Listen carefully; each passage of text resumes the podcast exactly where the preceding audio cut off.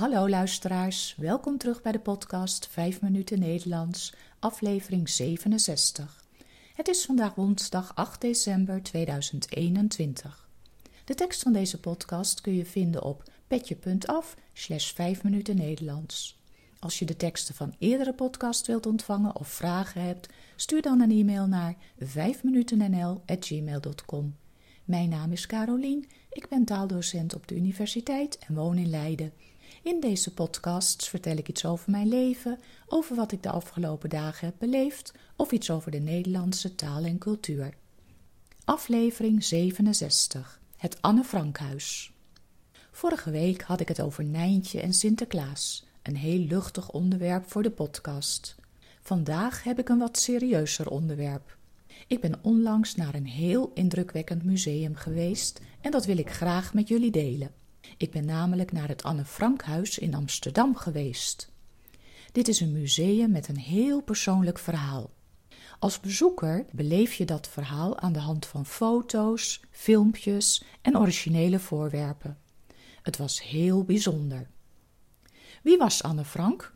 Anne was een Joods meisje dat op 12 juni 1929 in Duitsland werd geboren. Met haar ouders en haar oudere zus Margot verhuisde ze in 1933 naar Amsterdam. Anne voelt zich al snel thuis in Nederland. Ze leert de taal, gaat naar een Nederlandse school en vindt vriendinnetjes. Anne is tien jaar oud als de Tweede Wereldoorlog begint.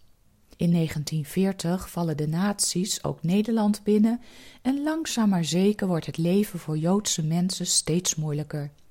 Ze moeten een ster dragen en mogen al gauw niet meer naar parken, bioscopen en winkels. Als de zus van Anne een oproep krijgt om te gaan werken in Nazi-Duitsland, vertrouwen haar ouders het niet en besluiten onder te duiken. Ze verbergen zich om te proberen op deze manier aan de vervolging te ontkomen. In het achterhuis van het bedrijf van Annes vader aan de Prinsengracht wordt een schuilplaats ingericht. Het is erg krap.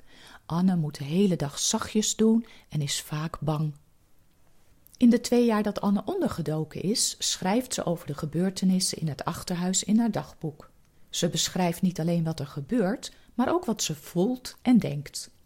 Daarnaast heeft ze een schrift waarin ze mooie zinnen uit boeken overschrijft. Zo helpt het schrijven haar de dag door. Uiteindelijk herschrijft ze haar dagboeken tot een lopend verhaal met als titel Het Achterhuis. Het dagboek is wereldberoemd geworden. Het is in zo'n 70 talen vertaald en in 1960 is het museum geopend. Je wordt langs allerlei foto's en films geleid naar het echte achterhuis. Je moet een steile trap op en komt dan via een draaibare boekenkast in het achterhuis. En je komt dan dus ook in de kamer waar Anne met haar familie in de oorlog zat ondergedoken en waar ze haar dagboek heeft geschreven. Ook de keuken is nog grotendeels in de oude staat bewaard gebleven. En je kunt ook de andere kamers in het achterhuis bekijken. Het is allemaal heel klein en je moet er niet aan denken daar twee jaar lang opgesloten te moeten zitten. Anne heeft de oorlog uiteindelijk niet overleefd. Ze wordt samen met de andere onderduikers vlak voor het einde van de oorlog in 1944 ontdekt en opgepakt. Anne wordt met haar familie via kamp Westerbork naar Auschwitz gebracht.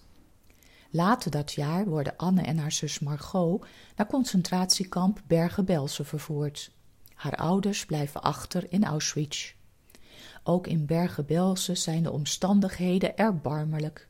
Het is er koud, er is bijna geen eten en er heersen besmettelijke ziektes. Anne en Margot overlijden allebei aan de gevolgen van tyfus. Van alle onderduikers in het achterhuis overleeft alleen Annes vader de oorlog. Hij hoort tijdens zijn lange terugreis naar Nederland dat zijn vrouw en dochters niet meer leven. De bewaarde dagboeken van Anne maken diepe indruk op hem.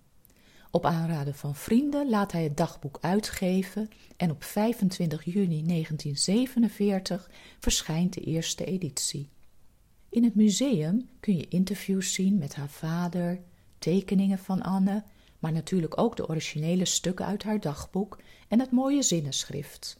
Je mag er geen foto's maken, maar als je er meer over wilt weten, kun je op internet genoeg informatie vinden. En als je ook naar het museum wilt, moet je zorgen dat je op tijd kaartjes bestelt, want het is er altijd druk. Ik heb het bezoek aan dit museum als heel bijzonder en indrukwekkend ervaren. Dit was het weer voor vandaag veel dank voor het luisteren. Ik wens jullie een hele fijne week en tot de volgende keer. Dag!